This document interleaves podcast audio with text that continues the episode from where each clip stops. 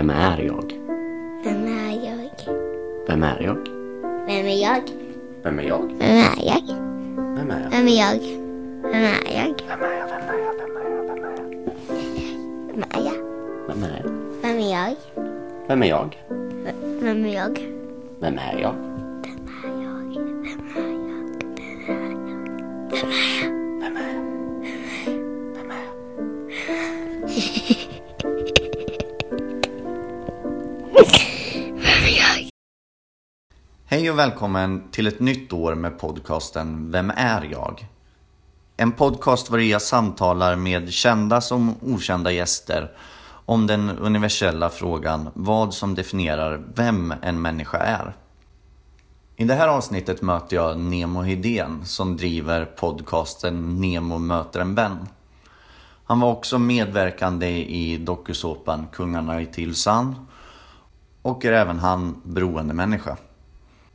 Vi pratar om allt möjligt från dysfunktionalitet, beroendesjukdom, en hel del tolvstegsprogram, vilket jag egentligen inte pratar om med mina gäster. Men eh, det blev så den här gången och ja, det är som det är helt enkelt. Och så pratar vi såklart en gnutta missbruk. Välkommen!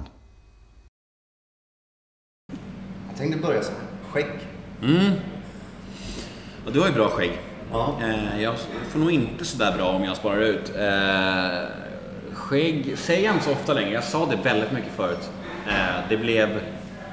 Jag tror folk tror att jag försökte göra en grej av det i TV. Att jag försökte liksom så bli... Du vet som folk... Jag tror vissa kändisar försöker få till någonting som ska bli deras catchphrase. ja. Som ska bli en snackis i media eller ska bli... Folk är så jävla medvetna idag. Det är bara att kolla på Paradise Hotel idag. Det är väldigt medvetet.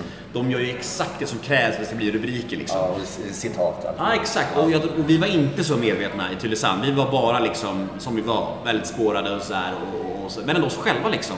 Och just det här med skägg var ett ord som jag sa. Jag tyckte det var ett väldigt kul ord och jag tyckte det var... eh, Jag sa det alltid när jag uttryckte en känsla, positiv, negativ. Det var ett ord som vi sa mycket i vår umgängeskrets. Och jag blev väldigt glad att det fäste så mycket minns jag. Att när jag sa det i TV så började alla säga det. Och sådär, folk började säga det alla. Jag tror att ordet skägg hade 26 000 likes på Facebook.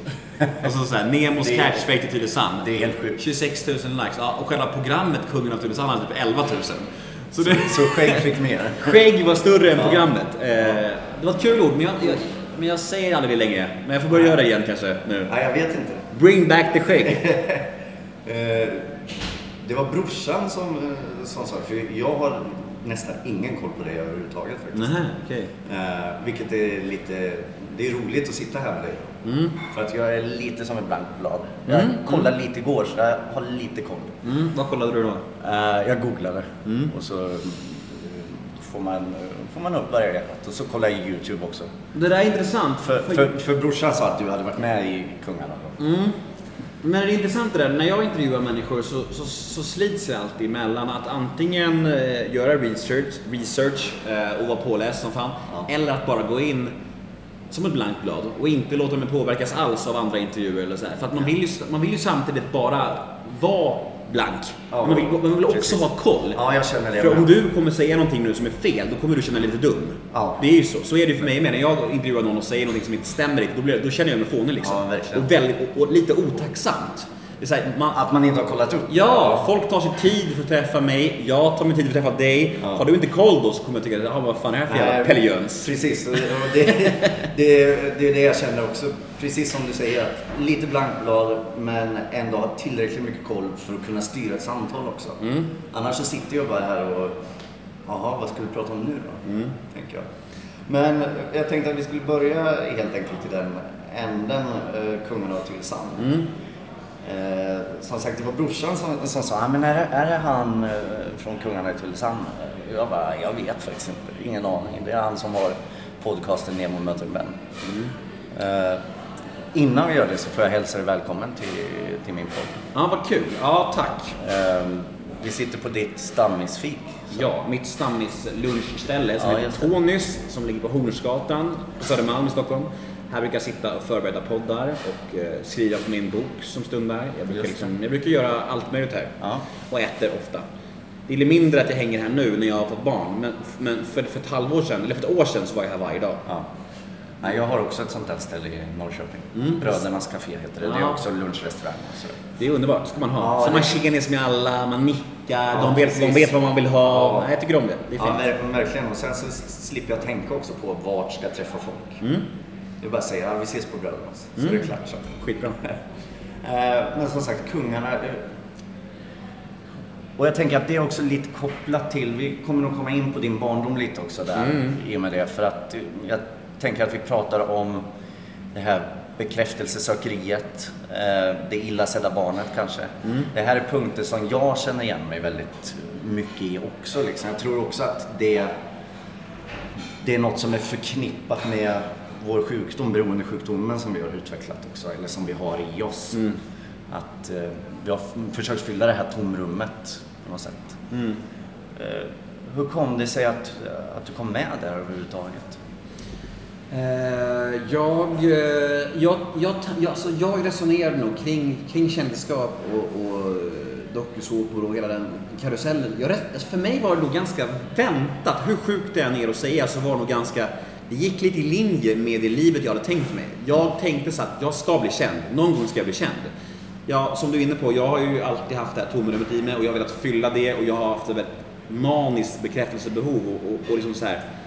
Jag vill bara få lugn och ro i mig liksom. Jag vill Ja. bara liksom höras, synas. Kan folk bara laga det här jävla kaoset jag har i mig på något sätt liksom. Så när det kom det här eh, förfrågan om, om kungen av Tylösand så var det för mig väldigt självklart att vara med. Eh, Jag, Du fick frågan eller sökte du? jag, var i, jag jobbade utomlands. Jag jobbade i Bulgarien, i Sunny Beach. Okej. Sunny Beach. Eh, 2010 var det här. Jag var inne på min tredje sommar som säsongsarbetare Ja. i Bulgarien. Jag stod på gatan och sålde festbiljetter. Eh, jag gjorde det bra. Jag var väldigt bra på det. Kan, Bara- kan du säkert tänka dig också. Bara överkropp? Ja, ja, jo, ja, jo, men så var det nog. På den tiden så var jag lite mer vältränad, ska, ska tilläggas. Eller jag var aldrig vältränad, men jag var smal i alla fall. Ja. Och då kunde man komma undan med det liksom. Yes. Nu är jag härligt pappaplufsig skulle jag säga. Ja, men det är underbart. Jag, jag har aldrig fått det plötsligt. Nej, så det, det, jag försöker använda så här pappakilo som ursäkt. Ja. Men, men du har ju barn och du har inga pappakilon. Nej, så min ursäkt föll platt nu. Fan också, du knäckte den. Ja, jag är ledsen. Ja, nej men i alla fall, jag var inne på min tredje sommar eh, redan som då 22-åring och eh, jag trivdes med det livet ganska bra med säsongsarbetandet. Jag, jag minns att det var perfekt att bara fly allt i Sverige. Varje år som det blev maj så stack jag bara eh, utomlands då och släppte ansvar, plikter, jag släppte allt. Jag vägrade växa upp, jag ville bara liksom fly in i det där, supa, träffa tjejer, träffa kompisar, vara i solen och bara bort med allt. Och det var väldigt, jag ska, alltså det var ju kul, det såklart det var Ja, kul. ja. Alltså, du vet, det, var, ju- det var ju drömmen för oss som eh, inte ville växa upp. Ja. Det var ju drömmen för oss. Jag stod där nere, sålde de här festbiljetterna som jag också gjorde bra minns jag. Det var ju väldigt så här, stå och skrika och vara extrem och bara du vet, kom på, kom på poolfest ikväll, du vet så här, fri bar tre timmar, 20 euro och sådär. Eh, så då ringde min telefon minns jag, då var det Kalle Schulman som ringde. Eh, och, och han sa så hej det är Kalle Schulman här. Jag bara, Okej. Jag bara, nej, nu är det någon som driver med mig. För jag var ganska, jag var, jag var fan av Kalle och Alex redan då. Okej. Jag tyckte de var, Ja. jag tyckte de var härliga. Ja. De hade det här tusen apor. Ja, Minns du det? Ja. Det var en humorsida som jag tyckte var väldigt kul. Och... Det var de som började göra översättningar på undergången va? På Ja, precis. Precis. Ja. De hade gjort allt möjligt skevt och jag tyckte de var roliga. Jag tyckte det var, det var kul och så här. Och, och då ringde han. Äh, det är Kalle Schulman här. Jag ska göra en svensk version av Jersey Shore och du måste vara med. Jag bara, vad fan är det här? Det är någon som busringer typ så här. Men så fattade jag att det var Kalle. Och då hade, han, då hade han sökt på sin blogg, han hade en stor blogg då, då hade han sökt efter passande deltagare till den här dokusåpan. Och min bästa kompis Oskar hade sett hans blogginlägg och tipsat om mig. Okej, Sagt på den vägen. Exakt, och han sa så här, ah, min kompis Nemo är nere i Bulgarien nu, han är som klipp och skuren för det här. Kolla hans blogg. Och då hade jag, jag minns att då hade jag lagt upp på min blogg att jag hade tatuerat in det här, meningslös, på mitt finger. Ja. Ja. Och när Kalle såg min tatuering på fingret där det står meningslös så hade han tänkt så här, ja ah, men den där killen. Då är det Ja, han, är, Ja. han, är helt, han är gränslös. Ja. Han skiter i allt. Ja. Han ska vara med. Och det var ju så det var. Kalle hade ju rätt. Eh, han ringde mig och jag åkte hem. Men uh, var du inne i missbruk redan då? Skulle Alltså så här i retroperspektiv, svårt ord, retroperspektiv. Fick jag in det också? Det är väl det det heter, eller hur? Efterhand. Ja, det måste det vara. Ja, men så här i retroperspektiv så... så alltså, det är inte lika imponerande med svåra ord om man sen måste fråga sig om det var rätt. Det faller det helt.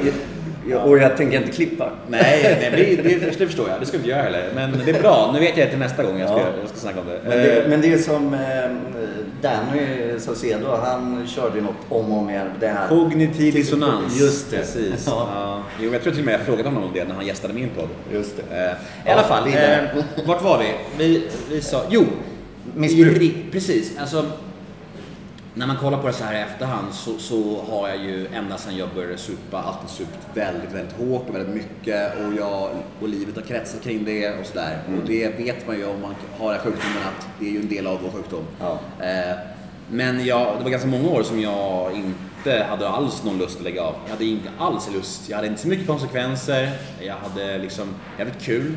Eh, Det fanns inte alls tillräckligt mycket anledningar att lägga av. Eh, Jag hade en pappa som hade, hade blivit nykter. Han blev clean för nio år sedan. I en systergemenskap till min. Eh, Och han, han clean, så jag visste att lösningen fanns där. När jag var redo så fanns det en lösning liksom. Men jag hade alldeles för kul och jag, och jag tyckte, tyckte inte... Jag kunde inte tänka mig ett liv nykter och drogfri. Jag, kunde inte tänka, jag, jag, jag trodde, jag trodde som, som alla tror, som alla människor tror, att livet kommer bli tråkigt, grått, värdelöst, meningslöst och utan poäng. Det trodde jag om nykterheten liksom. Ja. Eh, Sen Ja, jag, jag också. det tror ju alla. Det Ja, tror ju alla. Vad ska man tro? Ja, men så är det. det är, man, vet, man vet ju inget annat. Nej. Så är det. Och det, och det. och det förstår jag. Det är så. Det, Och, och rädslan för att gå till det här nygamla okända också, tänker Ja. jag, nykterheten. För vi har ju alla haft mer eller mindre ett liv eh, innan vår superkarriär så att säga. Eh, men det har vi ju hunnit glömma bort. Mm. Ja, ja, ja, Hur det är. Så jag var enormt rädd för hur det skulle bli. Nej men det är också så här, hur, och hur, hur, hur trasigt än drickandet och knarkandet blir så är det ju också hans, man, man gör det så mycket och så länge så det blir ju he, hela ens liv. Hela ens, Det, det blir he- normalt. Ja, hela identiteten och, och även om man liksom trasar sönder sitt liv så är någonstans det destruktiva också en trygghet till Ja. slut liksom. För det är allt man har liksom. Ja, och man, man vet vad det är. också. Ja, man vet vad man får liksom och sådär. Och det är visst, även om det är trasigt så är det också en, en trasig trygghet liksom. Ja. Eh, men eh, man svävar alltid iväg från svaren och om du frågade om jag hade missbrukat redan då? Ja, det skulle jag säga. Men eh, det skulle hålla på många år till. Ja. Ja. Jag, jag har jättesvårt för att sätta fingret på när blev jag alkoholist och narkoman. Liksom. Eh, jag brukar säga när jag var 18, men det börjar ju säkert långt innan dess. Liksom. Jag, jag, försöker, jag försöker tänka så här, man får vända på det. Har jag någonsin krökat för att... Normalt. Ja men precis. Ja. Har jag någonsin tyckt att dricka 5-6 öl, bli lite, lite packad och bara, nej nu får det vara bra. Ja. Aldrig. Nej. Aldrig. Inte sen jag började gå på krogen har jag någonsin gått ut på krogen och blivit lagom full. Inte en enda gång. Nej. Jag har alltid blivit dyngrak, blivit utslängd, spytt, hamnat i något slags tjafs, varit dryg mot någon tjej. Något, något knas, du vet så här. Det har aldrig varit så här, tre, fyra öl, raggat på en tjej, vilken härlig kväll. Vad, vad, vad, vad, lagom det blev. Nej. Vad, vad, vad härliga var mot alla. Jag har bara varit extrem på alla sätt. Ja. Liksom. Och det är ju någonstans beroendesjukdomen. Det är bara, det är bara, man bara kör. Det bara kör över alla. Bara liksom. Ja men verkligen, jag kan känna igen det där. På, sen på slutet någon gång, så, eller innan slutet, det, två, två år innan jag slutade kanske, då, då gick jag över och enbart tog droger liksom. Och jag tog en drog som fungerade lite som, eller alltså den tog bort 20 från- av alkohol men jag pop- proppade ju kroppen full av annat skit liksom. Mm, men det där är intressant. Och att man byter drog helt enkelt. Ja, Men det var så tydligt då, rakt av att jag bytte. Ja. Annars har jag blandmissbrukat eh, hela tiden. Jo men det där är så intressant för jag, jag, jag tror att jag såg mig själv som eh, narkoman ty, tydliga sista åren eftersom, Okej. att det var, eftersom att det var knarket som verkligen var Alltså jag, jag gillade inte fyllan. Fyllan var totalt meningslös. Jag använde, sista åren så använde jag bara alkohol för att bedöva avtändningar. Ja. Eh, Jag använde alkohol för att, i början, det var så att jag drack och då ville jag dricka mer och när jag drack mer så knarkade jag. Jag knarkar ju aldrig utan att vara berusad. Aldrig. Nej. Men ändå så skulle jag, envisa mig med att försöka dricka ändå. Alltid. Liksom. Så, var det, så var det igång igen. Det var ju alltid samma sak. Var du vet ju hur det funkar liksom. Same old shit liksom. Men, men jag kommer ihåg precis innan jag blev nykter och drogfri. Det här var alltså sommaren 2015. Så, så kom jag hem till min dåvarande tjej och, och jag var så jävla stolt. Jag minns att jag sa till henne så här. Älskling, älskling jag har varit jag har varit drogfri i en månad idag. Alltså, vet, så här, hon bara, ja men det är jättebra Nemo, men du har varit full varje dag den här månaden. Jag bara, va? Har jag? Hon bara, ja du har kommit hem packad varje kväll den här månaden. Jag bara, oj, visste jag inte. Vet, så här så vi förljuger liksom. Ja. jag, jag känner igen det där fast lite tvärtom. Ja. Det, det är väldigt vanligt också. Sådär, och framförallt många heroinister till exempel tänker att det är bara drogerna som är problemet. Mm. Eh, och sen så dricker de istället. Mm. Eh, men jag har varit tvärtom. Alkohol har, under årens lopp så har alkoholen främst varit min huvuddrog. Liksom. Mm. Eh, så att det tog längre tid för mig att komma underfund med att jag är faktiskt narkoman också. Mm. För jag hade ju bara brukat narkotika. Jag hade inte missbrukat Mm. narkotika tyckte jag. Nej, bortsett från den här månaden då där jag faktiskt lyckades dricka. Eh, det, hand- det, om sanningen ska fram så var det nog att jag inte fick tag på de drogerna jag ville ha helt enkelt. Nej, Det, det, men så, det, det har inte jag fattat i efterhand heller. Men det var ju det. Men jag, fick, jag pratade om den händelsen på behandlingshemmet och så sa min terapeut så här, men, men var det verkligen så kunde du utveckla det där? Då var det bara att jag inte hade fått tag på den drogen som jag ville ha. Liksom. Alltså, du vet, det är ju verkligen många små dörrar och lögner som ändå väver in i en slags sanning. Och, så när min drog fanns eh, till hands, eller fanns möjlighet att få tag på den, så var det alltid samma sak. Att fick jag, fick jag tag på den och började med den kunde jag inte sluta. Och då sista, liksom, sista, sista två åren så, så kunde jag hålla upp. Jag kunde köra liksom tre, fyra dagar. Tre, fyra dagar utan sömn och utan mat. Och bara supa och knarka. Eh, och, och, och sista året så var det liksom tuppade av, bokstavligt talat. Och det är, så, det är de, de minnena som jag håller närmast mig nu. Ja, det måste, måste man göra som du vet. Men, ja men verkligen. Jag, jag lärde mig att sova på det där sen. Liksom. Ja. Och då är det riktigt jävla illa. Eh, ofta i kombination med att jag hällde i mig en flaska också. Så att det verkligen gick. Jag, jag kunde sova på amfetamin ofta, men, men jag höll på mycket med internetdroger. Och Ja, jag också. ja, jag var väldigt torsk på det för att jag tyckte så mycket om att det var lagligt. Ja. Det, var det, det, var, så skönt. Det var Ja. så här, jag kan bli tagen, det spelar ingen roll. spelar ingen roll. Ta mig om du vill. Ja. Du. Det, men det är ju den där eh, fuck you-mentaliteten Ja. av samhället liksom. Är det lagligt så är det lugnt. Ja. Nej. Men vart, vi var någon helt annanstans. Vi pratade om eh, Ja, men du svarade på frågan. att jag missbrukade redan i... i Ja, ja, precis. Eh, och jag, miss, jag var ju missbrukare redan när jag blev castad såklart. Det, Ja. Och det, jag tror också att de fattar ju det någonstans. Men de vill ju bara ha sitt program liksom. Ja. Det är ju också en helt annan debatt, en helt annan diskussion. Hur, vad är deras ansvar i det här liksom? Att de castar mig och Jockiboi som är två så trasiga individer liksom. Till ett program som, som går ut på att supa och vara extrem. Ja. Har de inget ansvar alls? Vi är vuxna människor, visst. Men det är, det är intressant det där. Var, var, hur tänkte de liksom? De ville bara ha sitt program, förmodligen. Ja, ja, det är pengar som styr antar jag. Ja, och det är jävligt sorgligt med facit i hand och, och det finns ju mycket man skulle vilja säga till dem liksom. Och Ja. dem, man skulle vilja ge dem en hel, käng, en hel del kängor. Men det kommer komma kängor och de kängorna kommer i min bok. Okej. Ja. Ja. Men du har inte pratat med dem efter det? Nej, jag har ju haft kontakt med Kalle sporadiskt eh, under de här åren. Han har varit med i min, min podd lite grann. det. Men ni snackar inte om det då? Ah, Alltså, jag, alltså, så här, Kalle, mina känslor mot, jag tycker ju om Kalle, men jag har ju känt viss irritation ju längre tid jag har varit nykter eftersom ju Ja. mer har jag förstått hur skevt allting sköttes.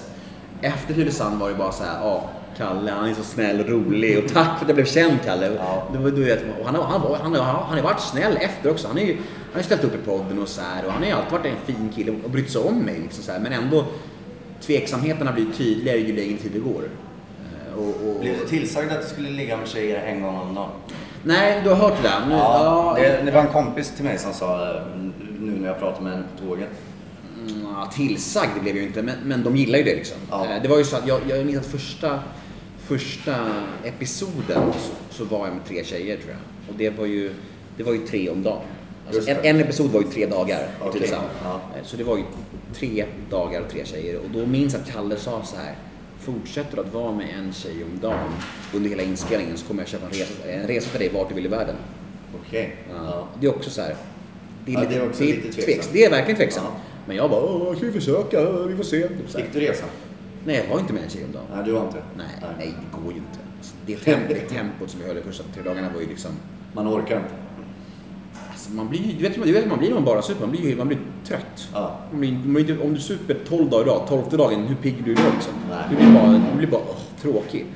Så jag, så jag tror att Kungen av Tylösand i rent... Eh, dokusåpa underhållningssyfte så var det nog väldigt bra i början. Alltså det var väldigt extremt, vi fuckade ur. Sista tiden så var det väldigt så här degigt. Det var väldigt, vi, vi, vi var så slut liksom. Ja. Det kanske är ett avskräckande exempel också. Tänker jag. Jo men så är det. Men också så här, det, är- man- jag minns efter inspelningen så alla var så trasiga, alla, alla, alla, alla deltagare. De bara, "Ah, vart vill ni åka någonstans? Vart ska vi boka hembiljetten? Och alla bara, åh hem, jag måste detoxa mig hos mamma. Jag bara, kan man få en biljett till, tillbaka till Bulgarien eller? De bara, "Ja, absolut. Så jag bara direkt tillbaka till Bulgarien och körde vidare. Ja. Och söp och Ja, ja, fuck it, fortsätt liksom. Och... Ja, fortsatte direkt. Så jag åkte direkt från Bulgarien till eh, Tylösand. Direkt från. Tylösand till Bulgarien. Och efter Bulgarien, när det var slut, då började Tylösand sändas i Sverige. Ja. Så då körde jag på direkt på den. Så jag körde ju på, jag körde ju på där i- alltså flera år typ i princip. Alltså det var liksom såhär nonstop. Eh, Bra tempo. ja, ja, verkligen. Eh, Men det här kändisskapet och eh, bekräftelsen har väl varit genomgående i ditt liv liksom? Mm. Eh, a- Alltså sökandet och strävandet efter det på något sätt. Det är väl, det är väl ett sökande efter att, att liksom, ja det är klart det är det. Alltså ett sökande efter att se mig, höra mig, eh, älska mig. Eh, jag, har ju, jag har ju hela mitt liv alltså, värderat mitt värde i vad andra människor tycker. Liksom. Det är viktigare för mig. Det är viktigare för mig vad, vad du tycker om mig än vad jag tycker om mig. Ja. Eh, det är ju bättre idag. Det är mycket bättre idag men det är fortfarande på en sån nivå att jag är väldigt öppet mål för kritik och sådär. Och jag låter mig påverkas mycket av människor och Jättesorgligt är det ju. Alltså jag, har, jag lever ju i tolvstegsprogrammet, jag försöker göra det och jag sponsrar andra. Jag lever väldigt noga i det liksom. Och jag, utöver det börjar jag med KBT, jag har gått relationskurser. Jag gör allt som krävs men de här ärren är väldigt, väldigt djupt i mig. Och det är... Jag är, alltså, det är så svårt det där. Ja, det är jättesvårt. Och, jag känner att jag vet precis vad du talar om. För Ja. att jag har också haft allt det där. Jag började skådespela väldigt tidigt liksom. Mm. Och jag har jämfört mig med giganter som Jonas Gardell, Ingmar Bergman och Mm. eh, hela den där biten. Och så fort jag har träffat eh, någon kändis inom situationstecken så har jag varit eld och lågor liksom och gärna berättat det. Och, Mm. eh, ja, jag har varit och är fortfarande skrytsam men det var mer förr liksom. Eh, Jag kan lägga band på mig själv nu och inse att det är inte det som gör mig till människa liksom. Eh, Men som sagt, det där finns ju fortfarande kvar i mig och det kanske jag aldrig blir klar med.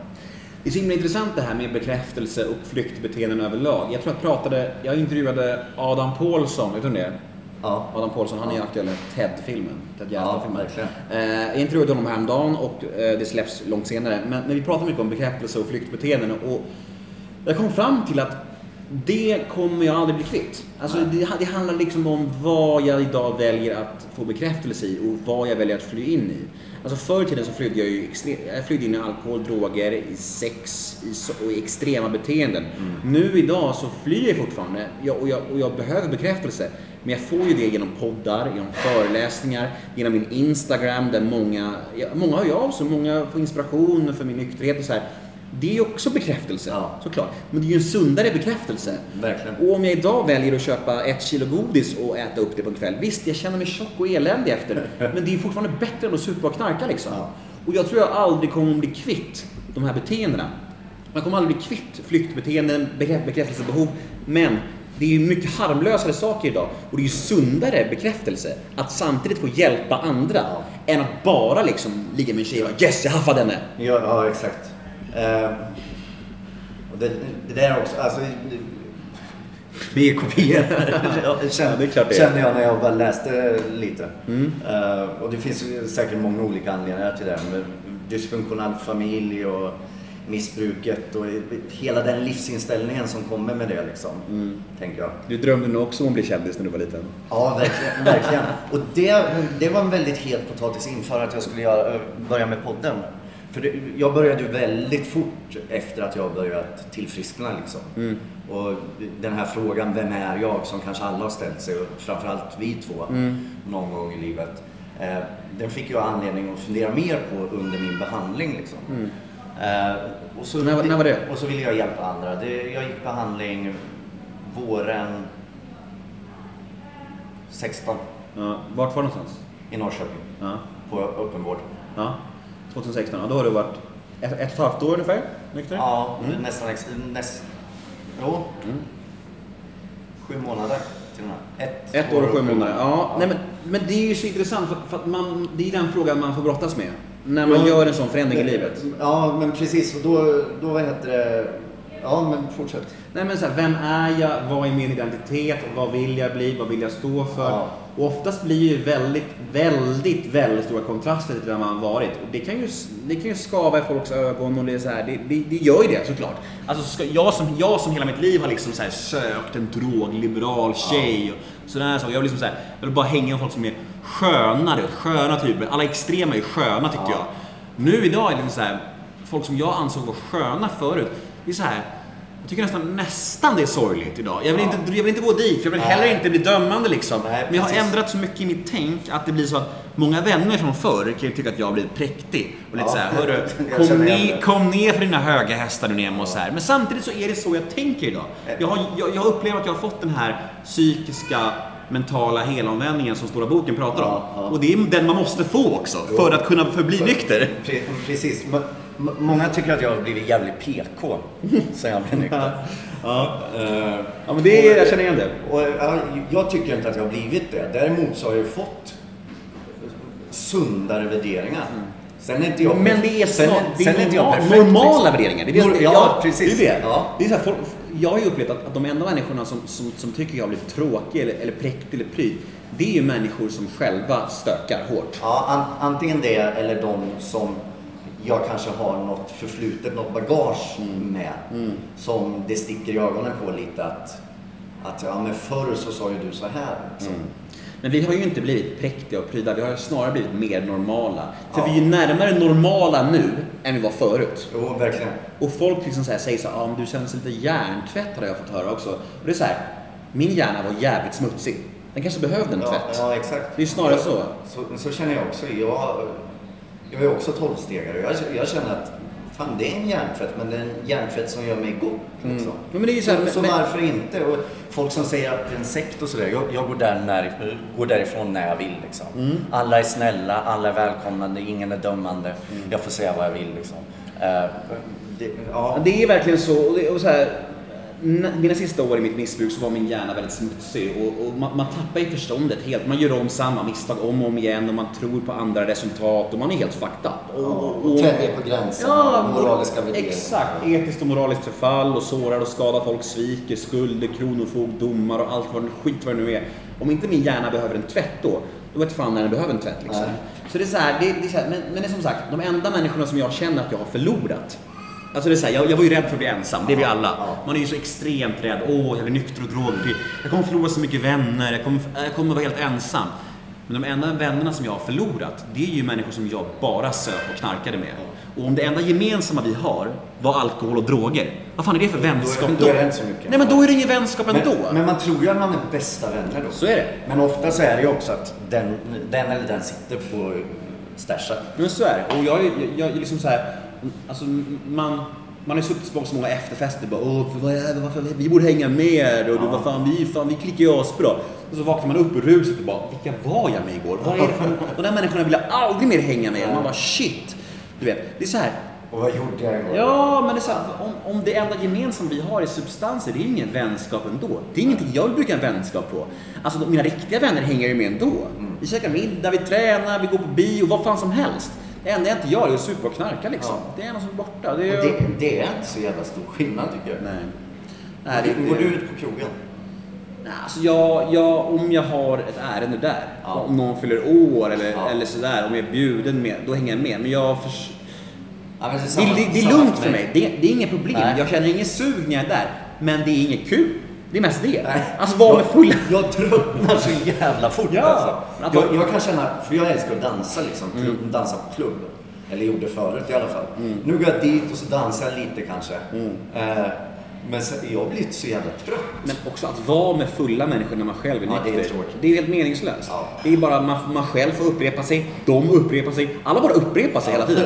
Och det är ju väldigt så här, ja vad fan är det här egentligen? Så jag, om, det är någon så här, om det är en fest jag är bjuden på, jag går dit och hänger ett tag och liksom så här, lyssnar på andra. Jag försöker- planerar alltid när jag ska gå hem. Ja, men det brukar ju bli typ 10-11. Ja. För det är så här, när folk börjar bli packade, ja, tackar för mig och så är det jag som vaknar pigg och fräsch. Ja. Och allt är frid och fröjd liksom.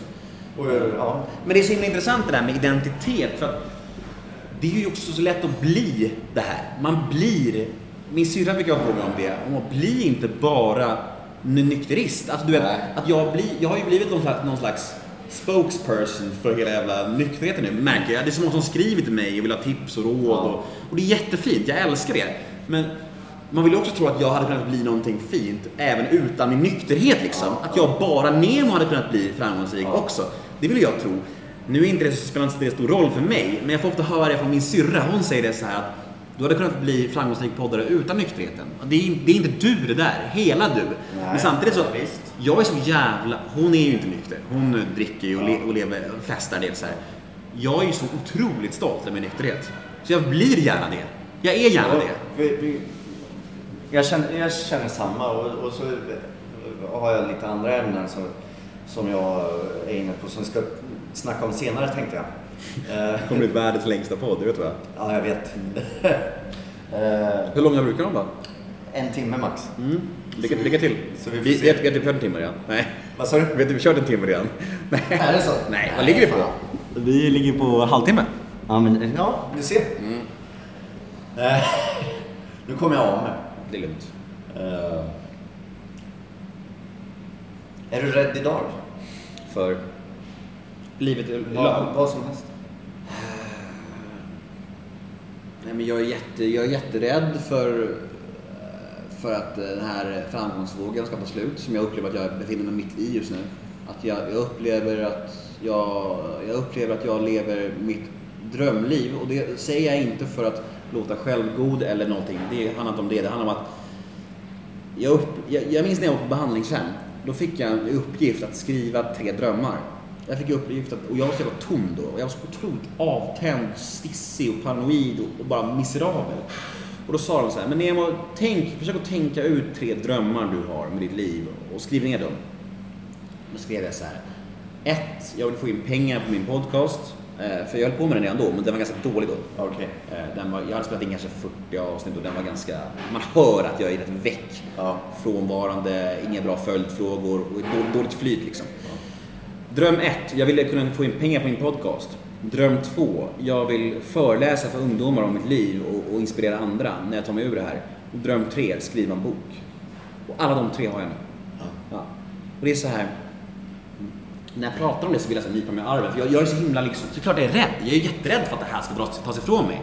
Men jag tänker att så länge jag sköter min nykterhet så kommer det gå bra. Det, liksom, det måste gå först och det är viktigt för mig. Det, är, det går först, alltid. Jag gjorde en lång intervju med tidningen Mama för några månader sedan och då sa de så här, vad är det viktigaste i ditt liv? Och då sa jag så här, min nykterhet. Hon bara, men din dotter då? Jag bara, nej, min nykterhet måste gå först. Ja, för, allt för annars funkar det inte med Lotta Nej, heller. allt jag sätter före min nykterhet kommer jag att förlora. Ja. Det säger jag till mina sponsorer alltid också. Allt jag sätter före min nykterhet kommer jag att förlora. Och det måste jag leva enligt. För jag kan inte vara en bra pappa om jag inte är nykter. Jag kan inte, jag kan inte föreläsa, podden blir skit. Allt kommer rasa liksom. Men, och, och där följer vi det liksom så kommer ju de här löftena som vi blir lovade Exakt. också. Det är det jag menar. Och det är där vi var inne på förut där. Man tror ju så mycket om nykterhet, att det kommer bli tråkigt, värdelöst. Och jag var samma sak. Jag trodde så här, mitt liv kommer bli helt totalt utan poäng. Och jag kommer bli så ensam. Och jag ska, och jag, och jag ska bara bli nykter och drogfri. Det är liksom det enda. Ja. Men så, man fattar ju inte riktigt hur mycket saker som bara kommer till en av bara farten. Nej, Om man, Jag har fått ett nytt liv, liksom, Mm. känner jag. jag. Mitt liv idag är bättre än det jag hade innan jag började supa och knarka. Mm. Eh, Och på ett helt annat sätt. Och det har berikat så mycket. Jag, jag tyckte ju att jag hade sånt... Mitt liv var ju komplett med alkohol och droger. Det var, på ett sätt. Det var, det var fullt av spännande, roliga händelser. Jag var mycket här uppe i Stockholm och festade och jag träffade så jävla mycket folk. Och, eh, allt liksom. Jag, då levde jag drömlivet tänkte jag. ett tag. Tills det började barka åt helvete. Ja, Liksom. men man får ju liksom vara ärlig också. Man får, liksom, li- man får vara en tillgång, man får vara någon att lita på. Alla de här sakerna som, som man sket i totalt när man var aktiv. Ja. Alltså du vet när jag var i sista, alltså de här åren mellan Tylösand och när jag blev clean. Alltså jag sket i alla alltså. Jag bara liksom utnyttjade folk och manipulerade människor och Och bara, liksom så här, bara för att få min vilja igenom. Så här. Jag lånade pengar av alla, noll tanke att tillbaka det. Bara liksom så här, för att kunna köra mitt race. Liksom. Så här, idag är det bara så här, åh shit, hur, hur, kunde hur kan man göra så? Gör, normala människor gör ju inte det. Nej, jag, jag, gick, jag gick på fester eh, till kompisar utan att ha med mig alkohol. För jag förväntade mig att de skulle bjuda. Vilket folk oftast gör. Det är det som är grejen. Vilket folk oftast gör. Eller så bara gick jag i kylskåpet och tog något. Mm. Det är så jävla svinigt. Det var, någon- det, var, det var det någon sa till mig tror jag när jag var ganska nynykter. Då sa en kompis till mig så här. Vet du vad det bästa med att du blir nykter är? Jag bara, nej vadå? Slipp, slippa bjuda dig på saker igen. Jag bara, aha, är det så? Ja, ja, ja, okej. Liksom, visst, om det är det bästa, det är good for you. Ja, liksom. det- Man kan göra alla glada på något sätt liksom. Ja, verkligen. Eh, Men eh, tillbaka till det här med bekräftelsesökeriet, tänker jag. Jag vill inte släppa det. Nej. Eh, podcast, bok, eh, Föreläsningar. föreläsningar, allt. När jag skulle starta den här, jag tror inte jag kom till punkt där. Min dåvarande flickvän undrade varför jag skulle börja med en podcast. Är det för att du ska få beröm, visa hur duktig du är, få bekräftelse och allt det där? Det var, det var en jättebra fråga av henne att ställa för då fick jag verkligen fundera på vad vill jag säga med min podcast? Varför gör jag det? Är det enbart för att det är klart att lite av den där bekräftelsen som sagt finns ju kvar.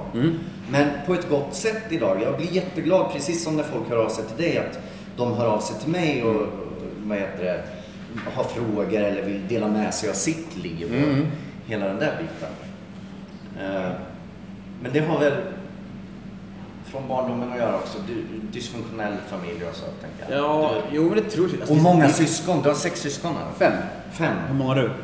Eh, fyra. Fast t- tre i livet då. En lillebror som dog när han var tre månader. Hur då? Eh, Var det plötsligt spädbarn? Plötslig spädbarnsdöd. Ja. Så, och det har ju påverkat mig också väldigt mycket. Morfar dog ju inom loppet av ett halvår där också. Han var min bästa vän. Så stor, två stora sorger på en gång och familjen trasades ju sönder i och med det också på ett sätt. Mamma och pappa flyttade ifrån och flyttade ihop med, varandra ständigt liksom. Pappa, han drack väl, han, jag vet inte om han missbrukat alkohol men eh, han drack destruktivt tror jag. Det är intressant det här alltså, att prata om anledningar till missbruk och så här. Alltså, det, det, det går ju alltid att prata om anledningar och prata om ursäkter och så här. Och bara, mina föräldrar var så, jag har den uppväxten Men jag vill, så. det är förklaringar tänker jag. Ja, det är exakt. Det är en väldig skillnad. Det är väldigt, jag har alltid sysslat med, haft som ursäkt hela mitt liv. Så här. Det är klart jag blev en fuck. Det är klart att jag fick den här sjukdomen. Det beror på hur man vänder det liksom. Men, men, men nu när man är i, i nykterheten så är det snarare ja, förklaringar mer. Ja. Det är inte ursäkter. Alltså, ah, vi är vuxna människor. Vi måste ta... Vi, Ansvaret är ändå ditt och Ja, mitt. det är ju så, precis. Och det är ju verkligen, det är ju sådana skillnad på tänket idag. För då var det bara så här, åh, det spelar ingen roll, jag har ingen chans ändå. Det är synd om mig, det är synd, det är synd om mig. Nu är det bara så här, ja, det kanske var delvis därför. Men vad fan. Men, men du började med podden till exempel innan du blev nykter. Jag började med podden... Eh... Var det för att fan jag är runt 30, jag ska ha en Nej. podd, eh, alla har en podd. Alla hade ingen podd jag började. Nej, okej. Det var inte många poddar jag började. Jag, var, jag skulle vilja säga att jag var väldigt tidig. Alltså jag har haft podden i... Men var det för att du ville bli känd? Nej, jag hade redan varit, jag hade redan varit vill, vill, vill, du hålla igång det Nej, liksom? Vill du smida medan järnet var varmt? Jag lyssnade, nej alltså mitt hjärn var inte varmt kan jag säga. Det, mitt hjärn var jävligt kallt och jag var otroligt, mitt, mitt rykte var fullständigt uselt. Ja men då var det därför du ville bättra på det. Nej, jag, jag tyckte mycket om Alex och Sigge, jag tyckte mycket om eh, Filip och Fredrik. Jag tyckte även Värvet var väldigt härligt och nyskapande. Och jag ville göra någonting med de kontakter jag hade fått i Tylösandssvängen. Alltså de, de, de, de offentliga människor som jag har lärt känna i den svängen. Och jag tänkte att jag alltid snackat så jäkla mycket och jag har fått höra att jag är bra på det och så här. Så jag bara, vad fan det är kanske en kul idé. Men det var ju aldrig en tanke på att försörja sig på det. Det var aldrig en tanke på att det skulle bli så stor som det har blivit. Det var aldrig någon tanke. Det var bäst bara en kul grej. Och jag började liksom med så Kalle Schulman som gäst och, och, och Du vet du grabbarna som jag lärde känna lite så här. Sådana var i början liksom. Sådana gäster som gör allt liksom. No offense till dem. Jag gör också nästan allt för jag tycker det är kul att och, och, och prata om mig själv. Nej men så är det ju liksom. Eh, Samtidigt som jag själv har en intervjupodcast och jag vet hur det är att jaga kändisar. Det gör också att jag ställer upp på allt, för att jag Just vet det. hur det är att vara den positionen. Det är fan min skyldighet att ställa upp på saker, tänker jag. Men jag började med de som, som, som, eh, som gjorde det mesta liksom. Och sen så, sen så, men podden slog igenom när jag blev nykter. Det är väldigt tydligt alltså. Det var ju efter då som det verkligen lossnade. Och, folk, och ryktet gick snabbt om att jag har styrt upp mig så här, och det snacket började gå i branschen och så här, och det, det är liksom Ja, Det gör ju sitt till också. Ja, verkligen. Alltså, det- Och att, att, att man får en bättre produkt också. Ja, verkligen. Det är jättestor skillnad. Alltså jag har lyssnat på liksom eh, ett avsnitt från eh, då och nu så är det otroligt stor skillnad. Och framförallt är det skillnad på att jag är väldigt... Hur känner du när du lyssnar på gamla avsnitt då? Eller ser, ser något klipp från Kungarna eller så, eller sådär? Du kanske inte gör det? Nej, jag, jag ser inte Kungarna så mycket. Jag har, inte, jag har inte sett det på flera år, men jag, det är klart jag springer in i klipp från då och sådär. Jag tänker väl att det är en del av historien bara. Det känns som att det är bara, alltid bara en, hel, alltid bara, alltid bara en lång historia. Och, och det är klart att det finns tveksamma val som jag har gjort i livet så här. Men samtidigt så är det liksom så här, allt är en del av det här nu. Och hur, så långt, alla mina felbeslut, allt skit jag har gjort, det är ju liksom bara, ju längre ner på botten man har varit, desto bättre blir föreläsningen. Ja. Alltså, du vet, det är ju, det är ju, det är, det är, ju- det är, det är kanske låter lite så här okänsligt eller konstigt att säga, men det är ju liksom så här, det är bara så det är. Min föreläsning Men, upplevde- men bättre på vilket sätt? Nej, men att de är starkare. Ja. Att, att ju, mer, ju längre ner i botten man har varit, desto starkare blir historien och desto mer, alltså desto mer tror jag att den inspirerar. Liksom, att folk säger, ja men shit vilket skit han har varit i och nu verkar han må så bra. Ja. Och det är så här, ja det kanske låter lite konstigt så här, att, jag, att jag är glad över skiten, men samtidigt så Idag kan jag ju, jag vet ju hur mitt liv är idag, att jag mår så pass bra. Men jag, jag har gjort så att liksom, jag har ju också gjort jävligt mycket skit.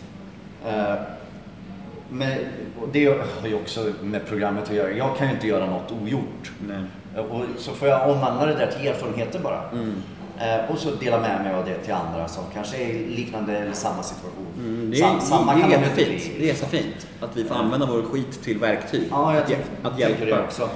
Det är jättefint. Det är ju verkligen en ynnest. Att, att, för jag har ju haft så mycket skit som jag har försökt att- sopa under mattan hela Ja. mitt liv. Så här, grejer som jag domar och skit som jag, när jag har sökt jobb, bara så här, hoppas det här inte kommer fram nu. Ja. För då kommer jag ryka. Jag. Hoppas det här inte kommer Och så här, nu får jag bara liksom så här, det här är jag, ut med det bara. Ja, det är så härligt att vara ärlig. Ja, jätteskönt. Och det är så här, det man säger kan få hjälpa människor istället och inspirera människor att, att, att man står för förändring och sprida hopp istället för att försöka gömma saker och dölja saker. Precis. Det, det är ju väldigt fint att man får använda skiten till något positivt.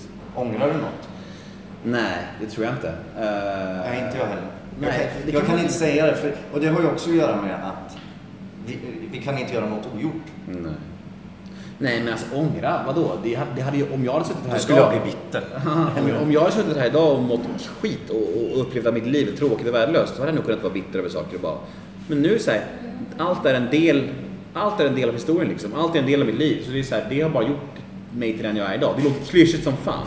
Men det är så Ja, det är. Det är, det är sant. Det, är så, det, är, det är sant. Det har byggt mig och idag tycker jag att jag, som jag var inne på förut, jag tycker att jag lever mitt drömliv liksom. Och jag vet att det kanske är tabu att säga i Sverige. Men vad fan. Att vara nöjd med sitt liv, det är väl något som vi beroendemänniskor fan har så svårt att vara. Vi vill alltid krydda allting liksom. Ja. Och jag upplever att jag är nöjd med mitt liv idag. Och det är ju största gåvan av allt. Fan, jag är nöjd med mitt liv liksom. Eh, du har varit inne på, på den här domen. Jag, jag Mm. tänkte att vi skulle snacka lite om det. Eh, jag har rättegång imorgon faktiskt. Oj, för vad? Eh, ett hemfridsbrott mot ett ex. Okej. Och så är jag åtalad för ett olaga hot också mot samma tjej. Hur känns det då? Likgiltigt höll jag på att säga, men det, det är det inte. För att jag, jag, ångrar, alltså jag kan inte ångra något, det låter ju hur dumt som helst. Men jag kan inte göra det jag gjort ogjort. Eh, jag är väldigt ledsen för att jag har gjort andra människor illa. När var det här? Eh, för två år sedan ungefär. Eh, nyår 2016. Vet hon om att du är nykter nu? Jag vet inte. Nej. Ingen aning. Och det här olaga hotet skulle ha skett på, på hösten 2015 när vi fortfarande var tillsammans. Eh, och det, det är så jävla jobbigt för att det är delar av de här sakerna som jag inte minns. Eh, och på grund av att en förklaring då är ju att jag var så jävla nedknarkad och nedsupen. Benz. Nej, Kristan. Fuckar upp minnet som fan. Eh, Eh, Var det crack cocaine eller? Nej? Metamfetamin. Ja, absolut. Ja. Mm. Eh, och det låter ju som en jävligt dålig ursäkt liksom. Och Jag vet, jag vet. Det- man får inte säga så. Men och jag förstår det, jag förstår det. det. känns hemskt som fan. Och speciellt när jag har ambition att vara ärlig eh, och sann kring allt i mitt liv. Liksom. Och så kan jag inte vara det fullt ut för att jag vet liksom inte. Alltså, det här är, Det är jättesvårt. Med ärlighet och så här att eh, man vill ju någonstans tro att ärlighet varar längst. Såklart. Ja, Framförallt vi programmänniskor. Verkligen. Och sen så känner jag att ja, men det hon säger är ju säkert sant. Ja. Jag har ingen anledning att tvivla på det.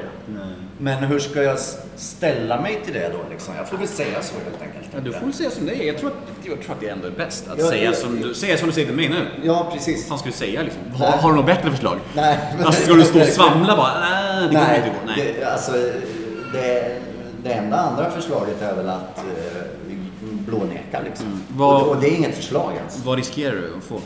Jag, jag har en ekodom sen innan och så har jag ett straffföreläggande, ett straffföreläggande på, för eh, sexköp Mm. sen 2013. Eh, 2007 körde jag grovt rattfull men den var Hur gammal är du? 20, 29 i mars nästa år. 2007 kör du rattfull. Ja, en, en vecka efter studenten. Ja, du ser det. Du var snabb med körkortet. Ja, verkligen. Ja. Vad är stra- straffläggande? Vad betyder det? Att jag slapp rättegång. Ja. Vad fick du då? Villkorligt eller? Eller vad? Sex, sex. Böter tror jag bara. Jag minns min rättegång. Jag har några domar på mig. Jag antar att du ska prata om sexdomen. Ja, det, det, det, det, naturligtvis. det, Den brukar- är, den är mest medial. Ja, men det, det är alltid folk som frågar om den. Ja. Det, det, det är det tråkigt att snacka om den? Nej, jag har haft svårt att, att förhålla mig till domen, eh, såklart, som Ja. du förstår. Eh, eftersom att jag har känt att hur jag än pratar så blir det som att jag skyller ifrån mig. Det Ja, men, det, det men, men det, det, det känner jag också. Ja, det- precis, precis som jag sa här. Ja. Att, vad jag än säger, som det här med, med minnet. Eh, att eh, jag skyller ifrån mig och att det blir fel. Liksom. Mm. Eh, och det, sen är många, för att jag har... Jag pratar om det här också. Mm. Eh, om mitt våld mot kvinnor. Mm. Eh, för det har funnits med mig länge liksom. Mm. Mot flera andra. Där jag inte har... Eh, alltså det har inte gått till åtal. Förundersökningar har lagts ner och Mm. jag har ljugit i eh, vad heter det, förhör och Mm. sådär. Eh, och det, det blir så jävla svårt nu också. Många tycker ju att jag ska hålla käften bara. Eh, eller att jag ska anmäla mig själv. Eh, jag har en sån här, jag fick en sån anmälan mot mig från min dotters mamma till exempel. Eh, där jag ljög i för, förhören. Så det lades ner. Eh, var nu nyligen eller? Nej, när vi separerade. Ja. Och då var dottern två månader. Ja. Hon, hon är sex år idag liksom. Eh, hennes mamma och jag har en jättegod relation idag. Ja. Eh, och jag, vi har dottern varannan vecka och hela den där biten. Vi ses eh, och har kalas tillsammans och eh, hela den grejen. Så där känns det fel just i det specifika fallet att gå och anmäla mig själv igen. Liksom. Och sen så är det ju så många säkert, och det låter ju hemskt att säga, det är så många som jag har gjort illa som jag inte vet om att jag har gjort illa. Som kanske är en anmälan liksom. Och ja, Du får ta det med, du får ta med din sponsor. din sponsor. Du får ta med din sponsor. Ja, precis. Ja, men verkligen. Jag, jag, har, jag har gjort vändan i stegen en gång. Mm, Nu är jag inne på andra, andra omgången. Jag, ska, jag sitter och jobbar med steg fyra nu. Du får börja sponsra andra också. Ja, jag har inte vågat än. Nej, det måste du göra. Det är, det är, Det är något jag är lite rädd för. tror jag. Nej, men fan, det är där, liksom, det, är där Ja, det, det, vet. det häftiga måendet finns. Att få liksom hjälpa folk från början och se, Men se hur de är jag, nyktra. jag känner att jag gör det lite så här.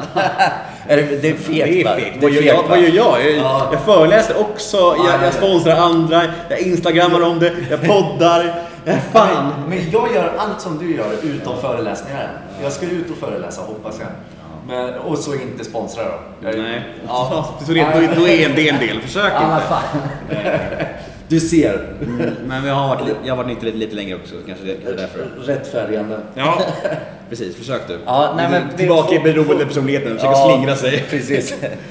F- vi fortsätter på, på. Skylla ifrån sig och prata om domen. Jaha, och, nej men alltså så här, det är väl liksom, jag har inga problem att prata om det idag eftersom att det, jag pratar om det i min föreläsning också, allt är med. Men det är så här, Ibland kan jag uppleva att eh, folk inte tycker att jag tar fullt ansvar för det som har hänt. Och det är liksom så här, det, för mig är det... Gör du det då? Tycker Ja. du att du gör det? Jag tycker att jag gör det idag. Men jag Ja. tycker att det tog väldigt lång tid. Ja. Det tog väldigt lång tid för mig att göra det. För att jag levde, jag tyckte väldigt synd om mig själv. Och jag tyckte så här, jag skadade ju ingen. Varför ska jag få skit för det där för? Tjejen ville inte ens anmäla. Det enda som hände var att jag låg med en tjej som var lite för ung. Det var ju det enda som hände. Varför ska, varför ska det bli någonting för? Det var ju bara en jävla fyllegrej. Det tyckte jag väldigt länge. Och det, ty- en del av mig tycker det än idag. Men idag så vet jag ju, jag vet ju varför åldersgränsen finns. Alltså det är så här, och jag vet liksom att jag gjorde bort mig på riktigt, att jag är otroligt ledsen för det och jag vet att det, är, att, att, att det blev kaos i hennes skola och sådana där saker. Det blev ju storm kring henne också. Hon fick ju uppleva en jävla cirkus också. Eh, Men liksom så här, jag har ju levt i en självömkan baserat på att jag det var ju ingen, det var ju ingen våldtäkt liksom. Det var ju inget så att någon, jag skadade ju ingen. för brottsrubriceringen först var våldtäkt mot barn. Mm, det eller? blir alltid. Ja, för Och- och- hon var under 15. Exakt. Ja. Varje gång någon ligger med en eh, under 15 så blir det det. Ja. Våldtäkt av barn heter rubriceringen först. Men det här skrevs ner till sexuellt utnyttjande av barn. Precis. Eftersom det, att... det låter ju jävligt hårt liksom. det låter hårt. Det låter som att jag gått in på dagis och, och tagit Ja. på en treåring typ. Precis. Eh, det är ju Sen, det, är ju sen säger jag inte att något är okej liksom. Och åldersgränsen som du säger finns. Och, ja, Den finns ju av en anledning, men det är också så intressant att prata om just det där. För att det är så här, om du är en kille som är 15 år och ligger med en tjej som är 14 år, Ja. då, kan du bli, då kan du bli dömd för våldtäkt av barn. ja. Alltså, och, och, och ha det på dig hela livet liksom. Ja. Vad, vad är det egentligen? Hur konstigt är det? det, det den diskussionen borde ju också finnas. Är det rimligt att det ska vara så? Nu var ju visserligen jag, jag tror jag, jag, tror jag var 22 eh, vid det här, vid det här laget. Det var ju precis innan Tylösand faktiskt. Det var ju, den här, den här grej, incidenten hände ju några månader innan kungen av Tylösand. Och jag sa ju ingenting till någon. Nej. För jag, jag visste ju om att det här, jag hade fått en anmälan på mig. Men min besatthet av att bli kändis, av att fylla det här tomrummet i min själ var så mycket starkare än mitt sunda förnuft. Så jag bara, nej vi kör på. Fuck det där, skit i det där. Jag ska bli känd. Fast jag visste ju någonstans, det, jag ska inte alls bli känd. Det är det sämsta jag kan bli just nu. Ja. Men jag bara, ja jag ska bli känd. Och jag blev jättekänd. Och På när- flera sätt. Ja, precis. Och när åtalet föll till hösten där, då var jag som kändast. Då var jag, och det blev ju löpsedlar, jag var uthängd i media och folk kallade mig pedofil och våldtäktsman och sådär. folk skrek på gatan efter mig, minns jag. Det var så här hysteriskt. Du är jävla våldtäktsman, pedofil, gå och dö, du ska brinna upp. Så här, du vet. Och jag bara, okej, oj. Det måste ju gjort jättemycket med dig. Ja, det var, gjorde ganska mycket med mig. Det blev ju väldigt konstigt för att jag... Dels så upplevde jag, jag visste, jag visste vad som hade hänt. Ja. Jag visste ju att jag, att jag inte hade våldtagit någon. Jag visste ju om det där och det visste ju hon, hon också. Det visste ju alla liksom så här. Eh, Men samtidigt så visste jag också vad, vad det hade blivit för kaos av det. Och... eh, Nej, det var sjukt. Jag, jag, jag försökte verkligen... Jag minns rättegången var så jävla bisarr. Att min advokat sa till mig så här. Nemo, den enda chansen du har att bli frigiven, det är att säga att du inte visste hennes ålder. Så jag bara, vänta här nu, min advokat säger att jag ska ljuga. Jag bara, vad är det som händer här nu egentligen? Det, det får han ju inte göra. Och då Nej, det får inte han göra. Då måste jag säga att, då måste jag lägga in en sån här att han inte är här och kan försvara sig. Nej, det är han verkligen inte. Eh, Men det har han dock, det, det har dock, jag gjorde en stor intervju med Nöjesguiden för några månader sedan och då, fick, då hörde de faktiskt av sig till honom och frågade om han ville och han sa inga kommentarer bara. Nej, jag, jag läste den faktiskt. Ja, du har gjort det? Ja. Ja. Det är intressant. Det är jätteintressant att han säger det. Att han säger att jag ska ljuga. För vilken advokat säger det? Det får man inte göra. Nej. Så han sa så här, du måste ljuga. Det är din chans du har att bli fri. Och jag snackade med min familj och min familj sa, var ärlig. Stå för din, ditt snedsteg. Alltså det, kommer bli, bli bra någon gång. Och jag var ärlig och jag blev dömd. Eh, Känner du att hela den här grejen idag, känner du att det var rätt på något sätt? Eller vad man ska, Det är också så här, det, det, det, det byggs ihop lite med det här ångra någonting och allt Ja. det här. Och, all, och så, återigen, livet idag är ju fantastiskt. Så jag kan ju säga, visst, allt var ju allt var ju, allt blev ju bra. Och det kanske var rätt väg, jag vet inte. Men, men just den här domen och det här, allt det här med hennes pappa. Det är ju grejer som har varit det tyngsta i hela mitt liv. Jag, har ju, jag har ju känt sånt otroligt hat mot honom. Varför anmälde han för? Ja, för helvete gjorde han det för? Varken jag eller hon ville ju det, att han skulle anmäla. Men idag är jag pappa till en dotter. Jag, vet, jag förstår hans tänk. Han ville bara skydda henne. Han ville säkert att hon skulle lugna ner sig också i hennes festande, festande liv liksom. Han ville markera för både mig och tjejen att ni måste skärpa er. Förmodligen. Det förstår jag idag. Men då var det så här, hur kan du anmäla? Mitt liv kommer ju förstöras och, och vi har inte ens gjort, och ingen har ens skadats. Men då, då ju du fortfarande i aktivt missbruk. Ja, jag var ju man, mitt man, man, inne. man tänker ju helt annorlunda. Ja, ja, jag var mitt inne i, i självcentrering, i självömkan. Ja, och, lä- och lägga alla fel på någon annan. ja, liksom. ja. Ta noll, du vet, de tog noll ansvar. Jag var ju så arg. Och du vet, den här domen föll och, jag, och allt kaos kom. Och jag, jag tror att mycket av den här domen skyndar ju på något som ändå skulle hända. Missbruket liksom. Ja. För jag knarkade ju så otroligt mycket på självömkan. Jag försökte ju, efter, alltså åren efter domen här, så försökte jag liksom så här, styra upp mitt liv. Jag försökte skaffa jobb och så här. Och, det, och jag skötte jobben minns jag, men vart jag än kom så var det så här, som vi var inne på förut här, det kom fram. Det kom fram, någon bara, men det är ju han med den här domen. Han kan vi inte ha kvar. Så fick jag sparken. Ja. Och det var så här, varför ska jag försöka ordna upp mitt liv? Jag har ingen chans ändå. Nej, precis. Så jag bara, jag, jag knarkar, Ja, men jag knarkar ju jättemycket på självömkan och uppgivenhet. Varför, ska- varför ska jag försöka ordna någonting? Jag har ingen chans ändå. Jag sköter mig exemplariskt på jobb, gång på gång nu. Men så kommer det här fram och jag, och jag, och jag ryker. Det, jag har ingen chans. Vet. Det var ju verkligen så min anledning till att jag knarkar hårdare. Ja. Ja, jag, jag förstår verkligen och också det här sopa under mattan. Och det- är så skönt för mig idag när jag har gått ut med he, hela min historia. Och det var ganska nyligen nu som jag började snacka om att jag har slagit kvinnor och eh, eh, vad heter det, ja, utsatt dem för andra former av våld också. Eh, och men det, det kändes som att jag var tvungen att göra det för att jag är så öppen med mitt missbruk och hela den problematiken. Och, men det här har ju också varit en stor del i mitt liv och gått hand i hand liksom. Så att bara vara öppen och rak och ärlig och lägga alla kort på bordet har, det har hjälpt mig något enormt tror jag. Ja, det skapar ju en... eh, Det skapar ju en lätthet såklart. I, Ja. i, alltså, du vet, det, livet blir enklare att hantera och, och det, blir, lite- det blir lite som Eminem i 8 Mile. Liksom. Ja. Man, man, om man dömer ut sig själv så himla hårt så, så finns det ingenting någon annan kan säga som kan skada en. Nej, man, man blir osårbar liksom. På ett sätt. Men samtidigt också så här, om folk vill skada mig, om någon säger till mig så här, om en våldtäktsman eller Ja. pedofil, då blir jag jätteledsen såklart. För att jag, dels för att det är mitt djupaste sår, dels för att jag, det inte är sant och dels för att liksom, det är så här, det, det är liksom, det, det, är- det största, traumat i mitt liv liksom. Och jag vill, vi- alltså, Men alltså jag, jag, jag, kan också, jag kan också känna det att för att jag, jag tar också åt mig väldigt lätt av kritik och när jag blir ifrågasatt och hela den där biten. Och jag väntar ju tills jag hade, ja nu, jag ett, ett år och fem månader eller ett år och sex månaders nykterhet liksom. Hade jag gått ut med det här tidigare så hade det kanske inte varit så bra för min nykterhet liksom. För att man, är- man är så sårbar där. jag, Jag kände ändå att jag idag, jag, jag är aldrig trygg i min nykterhet eller vad man ska säga. För när jag börjar luta mig tillbaka tänker jag och känner att nu är jag klar, då går det åt helvete. Ut- Men däremot så känner jag att jag har en stabil tillvaro, eh, jag är lugn i mig själv, jag lever ett bra liv liksom och jag vet på ett sätt ungefär vem jag är idag. Liksom. Mm. Ja, men det är, alltså, det är så här. Jag, eh, jag imponeras ju av dig att du är så öppen med, med de där grejerna som du pratar om. För jag, jag tror att hade det varit så att jag hade våldtagit en tjej på riktigt, alltså, då hade jag nog haft, jag hade haft väldigt svårt att prata om det. Jag hade inte alls, jag tror inte jag har haft lika, lika lätt att prata om det som jag har idag. Nej, det, är en jävla skuld och skam. Liksom. Ja men det är ju det, har man verkligen, har man verkligen skadat någon på riktigt? Ja. Eh, jag, jag känner inte till din historia alls, så jag, så jag har ingen aning om vad som har hänt. Men det är så här, jag vet ju, min, min, min grej hände ju i samtycke och för mig är det så viktigt. För att jag hade, jag hade haft svårt att prata om det annars. Jag hade liksom, jag hade liksom även om jag är tolvstegare och är öppen, öppen om mitt liv idag, så jag hade haft svårt att prata om det utan att liksom, jag hade så här, linda in det och snirkla mig och så här. Nu behöver jag inte det, men det är väldigt svårt att hitta balans däremellan. Att, och jag är ärlig, jag är duktig för att jag är ärlig, men samtidigt, okej jag har skadat någon, vad fan, du ska hålla, du ska hålla käften liksom. Du Ja. ska hålla käften. Vem är du att försöka vinna någon poäng genom att vara ärlig? Du har fan skadat en människa liksom. E- Exakt, och det, där ligger ju en, en problematik också. Liksom. Mm.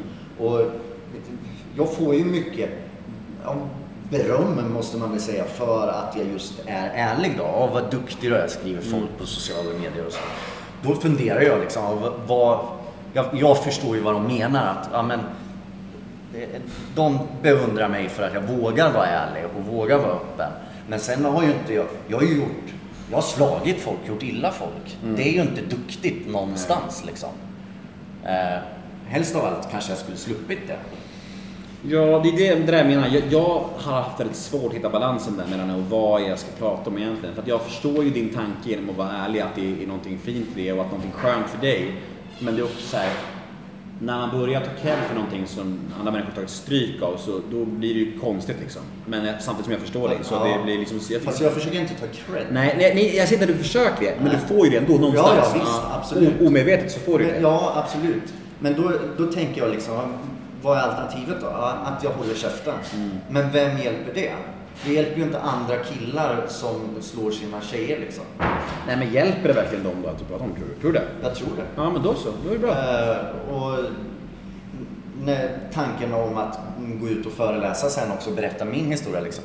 Vågar jag berätta min historia så vågar andra killar som missbrukar eller är våldsamma mot sina tjejer i och med att det är sån skuld och skam i det här. Då kanske, jag räddar inte världen liksom. Men om jag är en av dem som vågar prata så kanske det öppnar upp något och den här skulden och skammen blir lite mindre. Det är nyttigt att den finns liksom. Den ska finnas för det är något som är för jävligt. Så. Men snubbar måste våga prata om det också, tänker jag, för, för att kunna få hjälp. Det är som allt, liksom, psykisk ohälsa, missbruk och allt, tänker jag. Mm, mm. Alla tabun ska bort. Ja, men det, då- det är därför jag gör den här podden också, att stigmatiseringen kring missbruk framförallt. Då, liksom. Bra. Eh, Bra initiativ. Ja, men det, det, det är så jag har tänkt. Sen, sen säger jag inte att det är rätt eller fel. Liksom. Men jag- och jag- och, det, och, och jag- det, det finns människor som alltid kommer tycka saker. Så är det. Eh, Det är, tro mig, det finns fortfarande jätte, jättemånga människor som avskyr mig. Eh, trots att jag upplever att jag får vända människor om varje dag, att folk bara kommer till mig och skickar mejl och Åh, du har ändrat din uppfattning av dig helt, hej och det är sådär. Det är jättefint att folk säger så. Men jag märker att så fort jag är med i ett större sammanhang som, jag var med i P3 Morgonpasset någon gång minns jag för några några månader sedan och pratade om domen och så här. Då fick jag så jävla mycket hat från folk bara som kommenterade. Hur kan du med honom? Äh, Fy fan alltså. Han är svin. vet. Samma sak som kommentarerna på, det där, på den där bloggen du läste. Ja. Och jag också här, du ser hur det blir bisarrt. Jag märker inte de här människorna eh, i min vardag. För jag har, så himla, jag har så himla mycket kärlek runt mig. Och det går ju så himla bra med livet. Men de, de kommer ju fram när jag är med i ett annat sammanhang. ja, och så är det lättare när de sitter bakom ett tangentbord och det. hatar också, tänker jag. Så är det. Än, än att komma fram på stan och säga något. Så är det. Alltså det där blogginlägget är ju intressant för att ingen av de kommentarerna är ju någon signatur. Det är bara så här hej, så här kommentarer som vad fan vill ni liksom? Jag, har, jag upplever ingenting idag, alltså du vet eh, face to face. Ingenting, ingen säger någonting. Just för att jag är så pass öppen. Men när det är sådana sammanhang, då kommer någon fram krypandes under stenarna. Liksom. Nej, men just det. Jag, jag välkomnar folk att, att ta en dialog med mig, även de som in, tycker att jag gör fel eller inte håller med mig. Liksom, för att det, är ju- det är det som gör saker problematiskt. Alla problem som vi inte snackar om, oavsett vad vi tycker, så blir det ju svårt. Men kan du ta det då? Alltså om folk kommer och kritiserar dig så här, hur fan kan du ha mage och, och gå runt så här när du har skadat människor? Blir du ledsen då liksom? Ja, jag blir ledsen. Ja. Men det kanske jag ska bli. Mm, kanske. tänker jag. Eh, och det får också mig tillfälle att reflektera ännu en extra gång. Liksom, och sådär. Sen så finns det ju de som bara kräker ur sig, alltså inte något konstruktivt utan bara skit, bara elakheter. Och då tänker jag, för det tar ju hårdare liksom när det inte finns någon konstruktivitet i det. Eh, men jag känner att ja, men, de kanske har ett behov av det. va? Och någonstans, även om det tar jävligt hårt, jag ska säga att jag bara kan släppa det så liksom. Men jag har en, kan ändå ha lite distans till det för att i och med att det inte finns något konstruktivt alls. Den frågan måste jag ställa mig. Jag tänker att du också måste ställa den med våran bakgrund i, eh, av det vi har gjort och det, eh, den bekräftelse vi ändå eh, har behov av och så. Att varför gör jag saker? Mm. Ja, det är det jag var inne på förut det här med, jag tror aldrig att jag kommer bli färdig eller klar och, och, och inte behöva det liksom. Men det är ju väldigt, det, det, man kan ju välja vilka uttryck man vill ta i det, hur, hur man vill göra det. För att det finns ju sund bekräftelse, eller i alla fall sundare. Eh, Och då man får chansen att samtidigt hjälpa folk. Alltså, om man bara ska ha bekräftelse för sakens skull, då är det ju inte så sunt. Nej, Du precis. får hitta liksom Men alla är i behov av eh, bekräftelse. Mer eller mindre, skulle jag säga. I en kärleksrelation till exempel så är det ju enormt viktigt. Mm, men så är det. Det är viktigt att bekräfta varandra också. När man inte bekräftar varandra så håller det på att dala.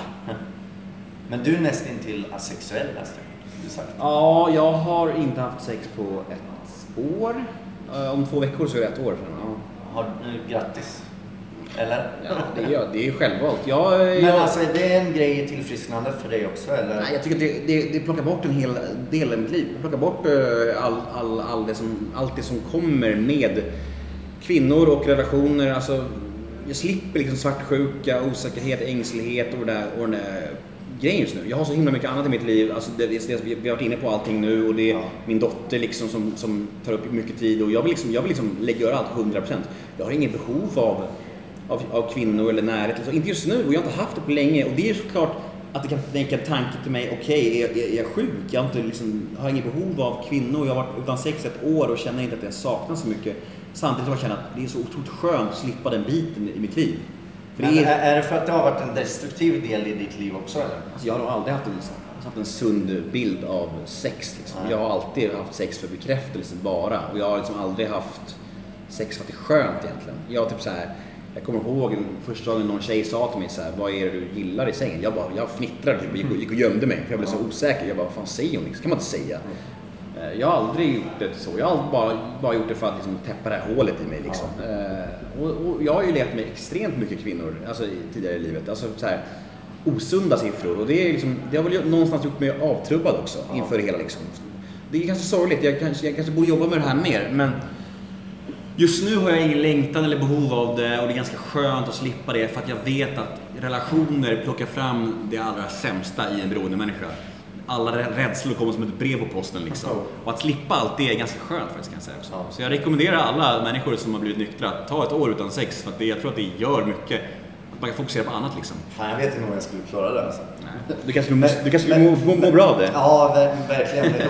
Och det är väl en del liksom, eller jag vet att det är en del, för det har jag tagit med min sponsor nu när vi, vi gör stegen att eh, ja, jag, har, jag har haft och har fortfarande problem med sex och relationer på ett sunt sätt. Det, har, det är därför det finns en sån lista i programmet. Ja. Det är ju helt, det är ju därför.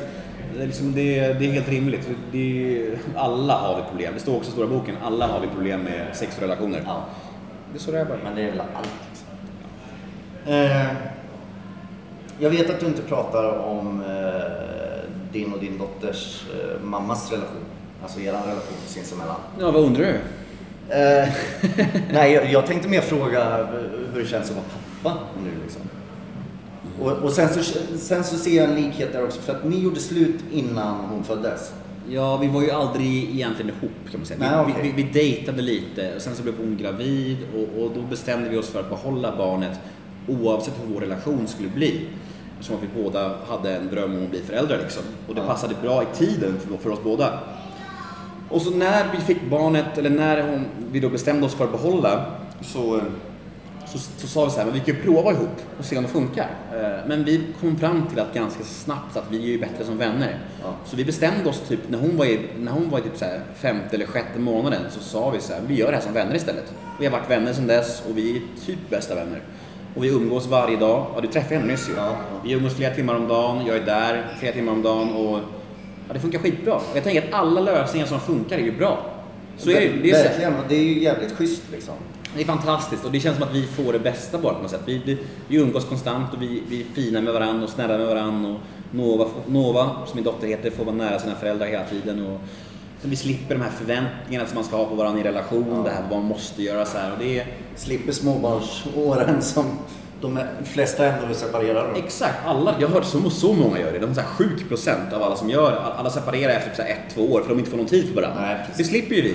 Alltså jag bor fem minuter från eh, Frida och Nova promenad och jag promenerar dit varje morgon med frukost och gör frukost till dem liksom och sådär och det är jättefint att vi har det så. Och jag, visst, nu har inte jag och hon träffat någon ny så jag har ingen aning om, hur, jag har ingen aning om hur det blir då. Jag brukar ju få den frågan, hur kommer Ja. det bli när ni träffar någon ny då?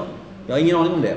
Men jag kan bara, jag kan bara fokusera, som den beroende människa jag är, I nuet. så är det bara liksom idag som gäller. Och idag så funkar det skitbra och jag är tacksam över det och eh, ja, that's that. Att, att vara pappa är ju, som du vet, det mest fantastiska som finns i hela världen. Liksom.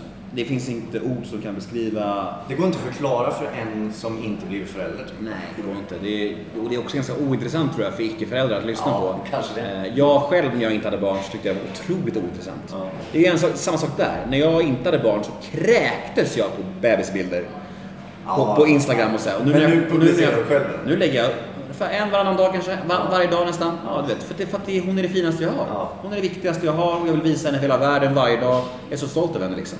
Det är så det funkar. Ja, det är häftigt. Häftig Mm. känsla. Det är det verkligen. Men, eh, våran dotter kom ju till i ett havsverk också, höll jag på att säga. Mm. Men, nej, men vi, vi, var, vi hade varit tillsammans ett år kanske, men eh, vi skyddade oss, men ändå så kom hon till. Mm. Och det var egentligen verkligen inte läge för oss. Jag var 23, jag var alldeles för ung. Jag missbrukade redan då. Mm. Eh, men eh, vi bestämde oss ändå för att behålla henne och det är det bästa jag har gjort. Det, det är det bästa beslut jag har tagit. Ett bra beslut på tio år. Ja, verkligen. Eh, så, nej. Nej, men det finns ju en, ett uttryck som heter man ångrar aldrig ett barn. Liksom. Nej. Det är ganska sant också. Alltså, om, alltså, I alla fall om du är närvarande förälder så kommer du aldrig känna att du ångrar ett barn när du väl har fått det. Nej, precis. För att det är en känsla som eh, inte går att mäta sig med några droger eller någonting. Liksom. Och Nej. Det är jättehäftigt. Jag är jättetacksam att jag får vara med om det. För det är, det är så många som kämpar med att försöka få barn och inte får det och sådär. Och jag, jag vet att på den fronten så är jag all set. Jag, jag vet att jag kanske får fler barn, jag har ingen aning. Men nu har jag en dotter som jag älskar och är så himla kär i. Och då behöver jag inga kvinnor heller. Nej. Jag har min dotter. Precis. ja. Eh, nej, vi separerade ju också, eh, inte innan, två månader efter. Mm. Nu var det ju under väldigt, väldigt tråkiga omständigheter då, nu, för att jag var våldsam. Mm. Eh, men sen så, vi bestämde oss för att vara vänner sen. Och det funkar ju bra tills jag började knarka och supa riktigt jävla ordentligt. Mm. Och då, då blev det, inte vårdnadstvist, men vi var till, eh, så här, vad fan heter det? Ja, men jag fick stödsamtal. Mm. Eh, familjerätten heter det. det. Man går och samtalar Mm, liksom, för att få det att funka. Eh, men eh, det var bra. Det gav mig en tankeställare också. Nu håller jag på att förlora just det finaste jag har. Mm. För allt annat, jobb och ekonomi och boende och vänner och familj i övrigt liksom, det sket jag i. Det är ju så intressant det där ändå som du är inne på att, att du, trots att du hade fått en dotter eller? Ja, Hur gammal är hon? hon är sex nu. Ja. Du hade fått en dotter och ändå så söp och knarkar du. Det där säger ju en hel del om beroendesjukdomen liksom. Och, Hur skev man blir. Ja, men liksom att det är ju många som kommer in på så här 12-stegsmöten då som både du och jag går på och säger så här, ah, nu har jag, jag ska få ett barn så jag måste bli clean. Man bara, fast Ja, det funkar ju inte så. Du kan aldrig bli clean för någon annans skull. Du kan aldrig bli clean på grund av konsekvenser. Eller så här. Visst, du kan motivera det. Men själva känslan måste komma långt inifrån dig. Det måste komma från djupet av ditt hjärta. Jag vill ha en förändring mer än allt annat i hela jävla världen. Det är ju så, måste känna det. Jag vill ha mest i världen, jag vill bli clean. Inte så här, åh nej men jag måste det nu, jag måste. Måste! Du måste ingenting. Nej, det är ju det. Det är så här, det måste komma från dig och det vet vi alla som har tillfrisknat. Så är det ju. Ja. Där har vi det. Bra, sl- bra slutord tycker jag. Ja, Mm. verkligen. Tack så jättemycket. Ja, tack själv. Kul att ses. Yes. Hej då! Hej då! Tack så hemskt mycket för att du lyssnat på det här avsnittet av podcasten Vem är jag? Jag finns som ni vet på sociala medier, Instagram, Facebook. Och ni får hemskt gärna gå in och följa mig eller gilla min Facebook-sida. Jag skulle också vilja be er återigen att om ni tycker om min podcast Gå gärna in på till exempel Acast eller Podcaster och ge mig ett betyg. För det gör att ännu fler får möjlighet att hitta till podcasten. Jag vore väldigt tacksam för det och det skulle göra mig jätteglad. Jag vill också tacka er alla som hör av er med mail och frågor och funderingar och eller bara vill dela med er av era egna liv. Det betyder väldigt mycket för mig och visar på att den här podcasten faktiskt gör nytta och på något sätt är nödvändig. Så tack så hemskt mycket till er alla.